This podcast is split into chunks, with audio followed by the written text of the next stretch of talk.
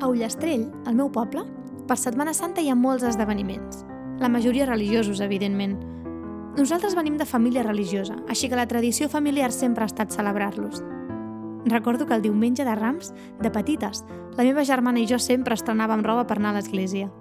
Al matí, l'àvia anava a buscar unes branques de llorer i penjàvem unes quantes garlandes del forn del poble. No arribàvem mai al migdia amb totes les garlandes a les branques. Sempre pensava que per què jo no portava una palma o un palmó com alguns dels meus amics. Es veu que el padrí i la padrina t'ho havien de regalar, però a casa ho fèiem així. El diumenge de Pasqua era l'altre dia important. Sempre he sigut molt de dolços jo, així que esperava la mona amb delit. Quan sortíem de missa, sempre anàvem a casa de la tieta Serratona, la meva padrina, i em donava la mona que sempre venia acompanyada per algun regalet. Després, el tiet Jaume ens feia una foto a les dues, una cada any, perquè així veia com em feia de gran. A l'hora de dinar, cap a casa de la iaia Quimeta i allà tots rebien mona. El meu padrí és l'avi Josep, però jo sé que ell feia trampa i que en realitat ho organitzava tot plegat la iaia per tots els nets, perquè sempre havia sigut molt líder la iaia. Però jo em feia la foto amb la mona i amb l'avi. A Ullastrell sempre hem sigut molt de celebrar les tradicions i abans per Pasqua i ara per Pasquetes, una setmana més tard, es celebren les caramelles. A mi, que ja de petita m'encantava cantar, tot i que em deien que no ho feia gaire bé, m'encantaven les caramelles. Sortíem pel poble a cantar pels carrers i les places tots els nens i nenes. Cantàvem cançons que havíem assajat durant unes setmanes abans, fèiem un vermut i ens donaven unes gominoles quan acabàvem. A dia d'avui, fa 10 anys que la meva germana i jo dirigim les caramelles d'Ullastrell. Podeu suposar, doncs, que sempre han estat molt importants i presents a les nostres vides. Aquest any, ni rams, ni mona, ni caramelles. A Súria, al poble del Mateu, es celebren les caramelles més famoses i multitudinàries de Catalunya – a mi em feia molta il·lusió formar una mica part d'aquest poble i poder formar una mica part de les caramelles. La història d'avui no me la va explicar l'avi.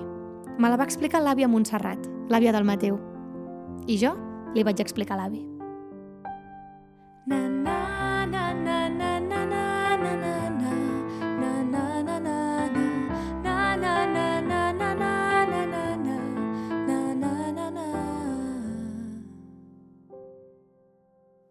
Calma teu. La primera vegada que vaig anar a Súria per les caramelles, el que més em va impactar va ser la quantitat de gent que hi havia. La gent que hi havia de públic, de, de visitant, però sobretot la gentada que hi participava en totes les colles. Em va costar bastant d'entendre el funcionament, ja que a Ullastrell l'únic que fem és sortir a cantar pel carrer, com bé us he explicat. Així doncs, no acabava d'entendre el tema de les colles, ni per què formaves part d'una o bé de l'altra. Sembla ser que tampoc és que hi hagi una norma clara oficial, tot i que segur que entre línies n'hi ha moltes de normes no escrites. Tampoc acabava d'entendre molt bé per què uns cantaven, els altres ballaven, uns altres eren els trabucaires, uns cantaven més modern, d'altres més tradicional. El que estava molt clar era que totes les persones que formaven part d'aquella festa se l'estimaven molt i es notava que hi havia un sentiment de pertinença a la festa i al poble. Jo sempre he sigut molt de mantenir les tradicions, així que vaig quedar fascinada per les caramelles de Súria. Recordo d'anar carrer amunt i carrer avall buscant les actuacions de tots els grups per poder veure què feia cadascú. No me'n volia perdre ni una. Quan érem a casa l'àvia Montserrat, mirant encara la festa per la finestra, van venir els ballesters que amb un estri extensible de fusta, la ballesta, ens van fer arribar una flor fins a dalt al balcó. Em va semblar un moment molt especial. A casa el Mateu, però, família de Súria de tota la vida, hi havia algun sentiment que no em quadrava amb l'esperit de la festa de les caramelles. El dubte que això em va crear va portar a l'àvia Montserrat a explicar-me'n els motius.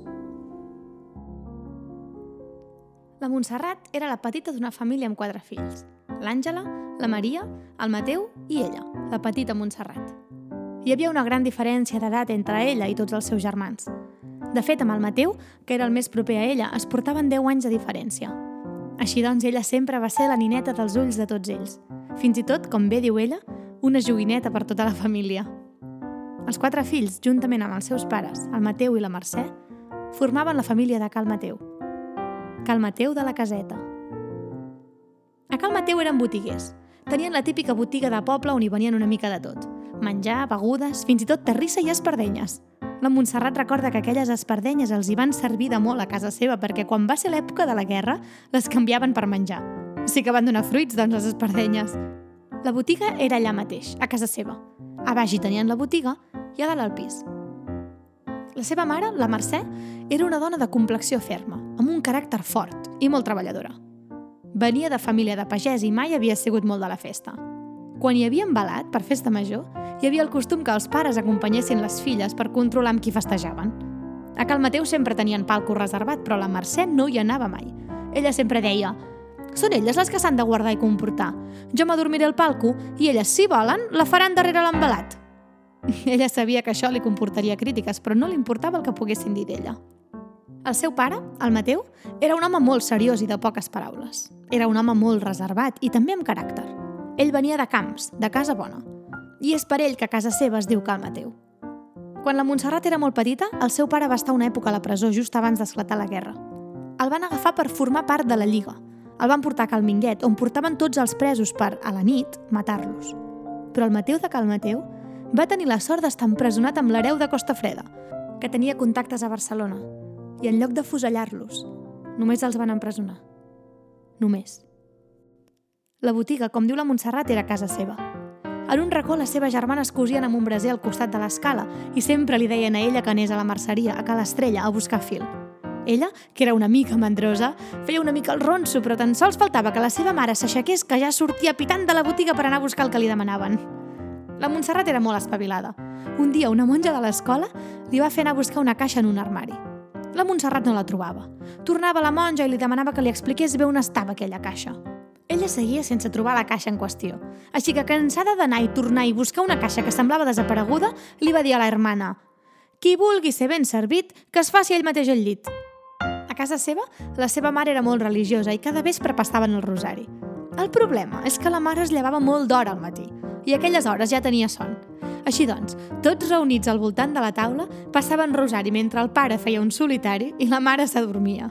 Els quatre fills l'havien d'avisar amb un cop de colze i s'engrescaven tots a riure. El Mateu fill sempre deia «Aquest rosari no serveix per res, entre riure i dormir». La Montserrat tenia una relació especial amb el seu germà Mateu. Potser perquè era el més propi a ella. Potser perquè era un noi i sempre es va sentir més protegida per ell. El Mateu era un noi molt elegant. Sempre anava amb el cabell ben clenxinat i molt ben vestit. Tenia un traje per cada ocasió.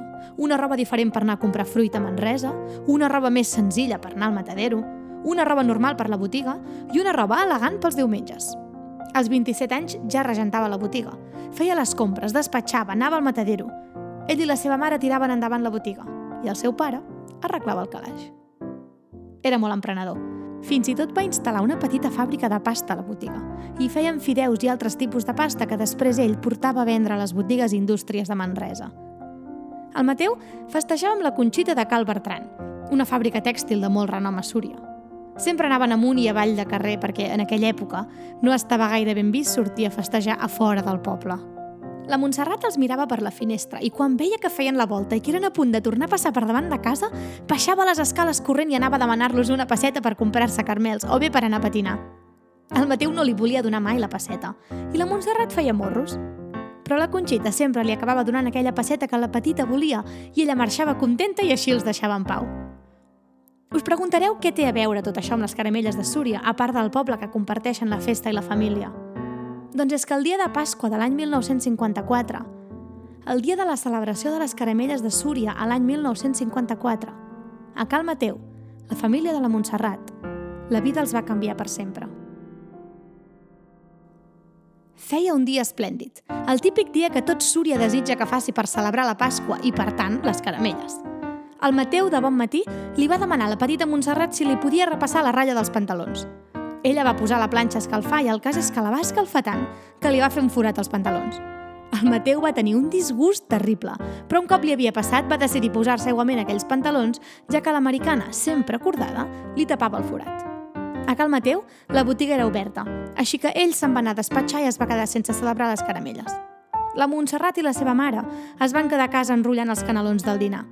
La seva mare deia que ella no ho podia fer perquè tenia els dits massa gruixuts, així que la petita, per molt que va demanar poder anar amb les seves dues germanes, es va quedar sense poder celebrar les caramelles. El poble era ple de gom a gom, les colles passejaven per tot i la Montserrat només ho escoltava de fons mentre enrotllava els canelons. De tant en tant, la seva mare la deixava acostar-se a la finestra per fer una mirada de les actuacions que hi havien just a sota de casa seva, però aviat tornava cap a la cuina. Estava desitjant poder acabar els canelons i poder sortir fora. El Mateu va pujar dalt al pis i li va demanar a la seva mare si podia sortir un moment a donar un vol. La botiga ja era tancada i només quedaven les últimes actuacions per veure. La mare li va donar permís i li va dir que no tardés i aprofités per buscar la Maria i l'Àngela i així tornar tots junts a casa per dinar. La Montserrat va suplicar poder anar amb el seu germà, però el dinar encara no estava fet, o sigui que no hi havia caramelles per la Montserrat. Ella, una mica trista, va començar a parar la taula mentre sentia de fons els trabucaires com acabaven l'actuació. Els canelons van sortir del forn i la Montserrat els va deixar sobre la taula. En aquell mateix moment van trucar a la porta. Quina impaciència, nois, va dir la seva mare. Obre, Montserrat. Era el Manuel. Han mort el Mateu.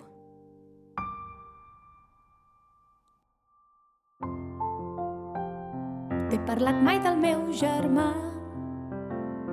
un noi molt guapo i molt formal, que li agradava passejar arreglat i festejava moltes noies de la seva edat.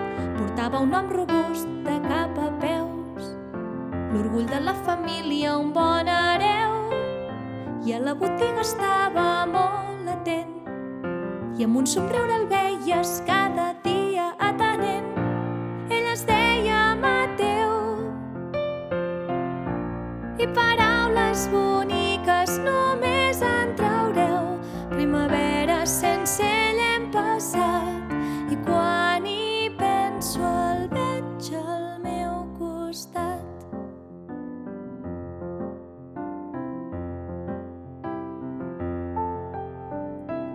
era jovenet sortia amb la de Cal Bertran. Jo era petitona, però els recordo amunt i avall. Els perseguia demanant diners. Guanyar-me la passeta per comprar carmels després. I ara recordo el meu germà. Tornant de Barcelona i explicant les novetats i li explicava al pare amb emoció. Sap que aviat veurem la ràdio i a dins el locutor ell es deia Mateu. I paraules boniques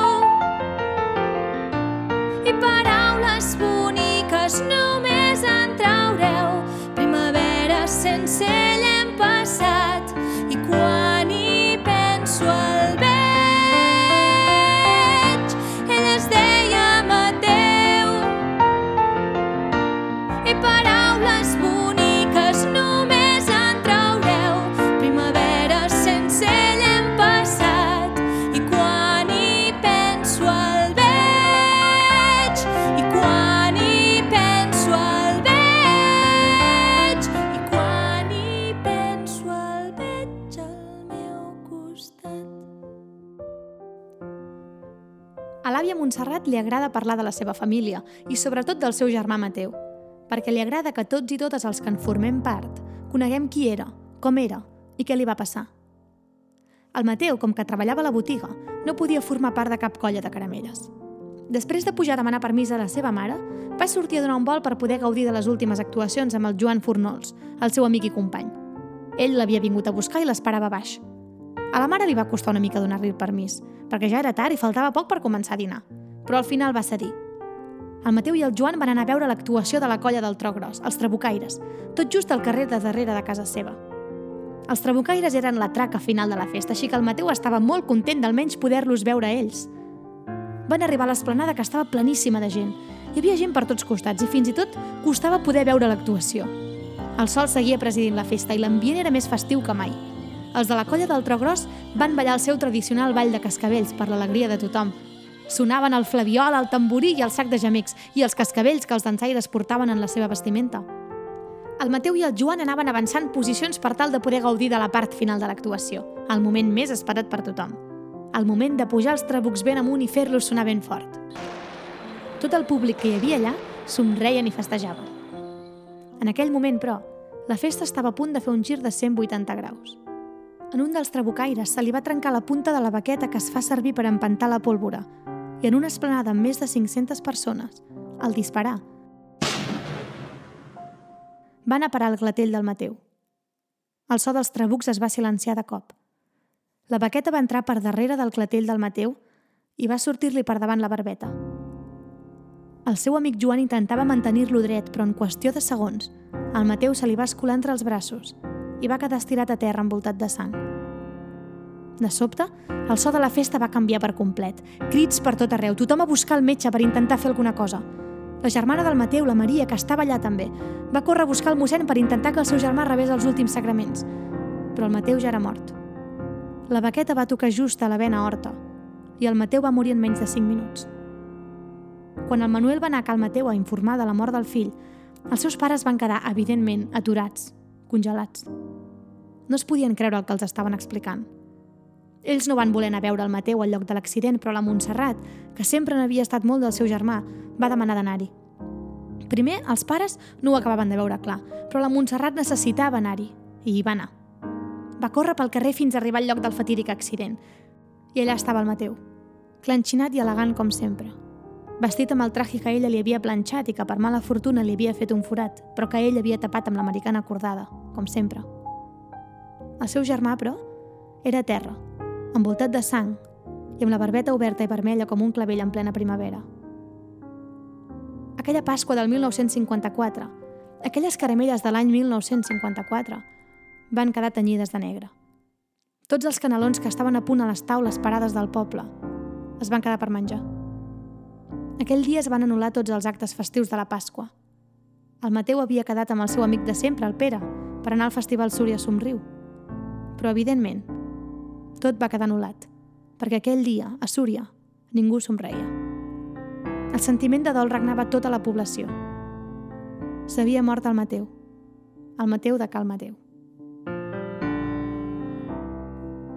casa de Montserrat es va viure el calvari usual que es viu en una casa on es mor un dels fills amb només 27 anys. Però la mort del Mateu va durar molts més dies a casa seva. Alguns, al poble, deien que la mort del Mateu havia sigut un assassinat en motiu d'alguna venjança, perquè inicialment no es va trobar l'objecte que li va provocar la mort. Sembla ser que no es volia que fos dit que havia estat cosa de la colla del Trogros, ja que aquests depenien d'una llicència de l'Ajuntament. Així que tota la informació al voltant de la mort del Mateu es va tergiversar una mica més del compte. Fins i tot la Diputació va cridar el president de la colla per poder treure aigua clara del que havia passat. Tinc la sensació que ningú es va voler atribuir la responsabilitat de l'acte que va matar el Mateu i que això només feia que allargar l'agonia a la família Bacardit. Però uns dies més tard es va acabar trobant el petit tros de baqueta que va matar-lo, així que no podia haver sigut un assassinat. El pare del Mateu, que no volia embolicar-se més amb el tema, va acabar firmant un document on assegurava no voler demanar cap responsabilitat sobre el que havia passat. Que facin i que diguin el que vulguin, que el meu fill no me'l tornaran. Era evident que havia estat un accident, però s'hagués pogut evitar aquest accident? El governador civil va enviar una carta a la família Bacardit assumint que els trabucaires, aquell dia, no havien complert les normes de seguretat que deien que només es podia tirar a la vora del riu no a les places ni al mig del poble. L'accident va tenir lloc al mig del poble, en una esplanada amb més de 500 persones. O sigui que sembla que potser sí que s'hagués pogut evitar l'accident.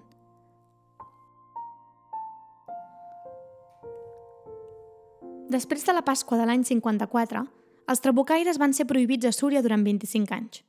El Pere, el gran amic del Mateu, va entrar a formar part de l'Ajuntament i fins que ell no en va sortir, tot i les moltes pressions que s'havien rebut, ningú es va atrevir a tornar a posar els trabucaires en acció a la festa de les caramelles de Súria. Era correcte que per un únic accident es prohibís la celebració d'una tradició que es remunta al segle XVII? La Montserrat, arrel de mantenir molt contacte amb el Pere, el gran amic del seu germà, s'hi va acabar casant. Què hagués dit el Mateu si hagués arribat a saber que el seu amic de tota la vida hagués acabat sent el seu cunyat? El pare, després de la mort del Mateu, va tornar a agafar les rendes de la botiga. No se li va veure mai una llàgrima, tot i la pena que era evident que portava dins. Però és que el seu pare sempre havia sigut molt reservat. La Montserrat i el Pere van acabar heretant la botiga i la van mantenir fins que els dos es van jubilar. La Montserrat, un cop jubilada, va anar a la universitat a estudiar psicologia, ja que la mort del seu germà va fer que ell es quedés la botiga i no pogués estudiar per ser mestre, com a ella li hauria agradat. A dia d'avui, tot i que aquest any han estat ajornades, les caramelles de Súria es celebren amb total normalitat i és una festa més que estimada per als seus ciutadans i fins i tot per la gent de Catalunya. Sembla ser que fins i tot hi ha una mica de competència per veure quines són les caramelles més grans o quines són les més antigues. I com és tradició, a les caramelles de Súria, la colla del Tro Gros segueix fent el seu tan conegut ball dels cascavells i les famoses i esperades galejades amb els trabucs. Actualment, hi ha més de 50 colles trabucaires arreu de Catalunya que segueixen la tradició i surten a galejar per tal de divulgar la cultura i cridar tothom a la festa. A dia d'avui, les colles trabucaires estan regides per un fort reglament estatal que els marca les normatives de seguretat que cal que segueixin, com per exemple la distància que hi ha d'haver entre persones o el fet de no poder disparar al terra. Aquestes mesures de seguretat i el seny dels propis trabucaires, i fins i tot el seny de les persones que hi van de públic, són l'únic que dia d'avui pot evitar que mai més es torni a produir un accident com aquest. I des del 1975, quan la colla del Tro Gros van poder tornar a sortir a galejar per les caramelles, a Súria hi ha dos sentiments dividits. Els dos sentiments que vaig poder sentir, notar i veure el primer cop que vaig poder assistir a la festa. Per una banda, el sentiment de felicitat absoluta per totes aquelles persones que en formen part. Aquelles persones que formen part d'una colla per tradició generacional i que han viscut amb aquesta festa tota la vida i que la senten totalment seva i que no podrien veure la festa igual si hi faltés una de les colles amb més tradició. I alhora, el sentiment d'una família que cada vegada que escolta petar els trabucs per caramelles els retrona el dolor per dins. Jo us recomano que l'any vinent aneu a les caramelles de Súria, que passegeu pel poble gaudint de les actuacions de cada colla. No patiu si al principi no acabeu d'entendre el funcionament com jo. Podeu demanar algun surienc o surienca que us ho expliqui, i segur que ho faran de bon grat. I potser, si teniu tanta sort com jo, alguna família us acollirà a casa seva, us posarà un plat de canelons a taula, podreu rebre un clavell vermell que els ballesters us faran pujar fins a dalt al balcó i us explicaran com la seva família han arribat a ser qui són.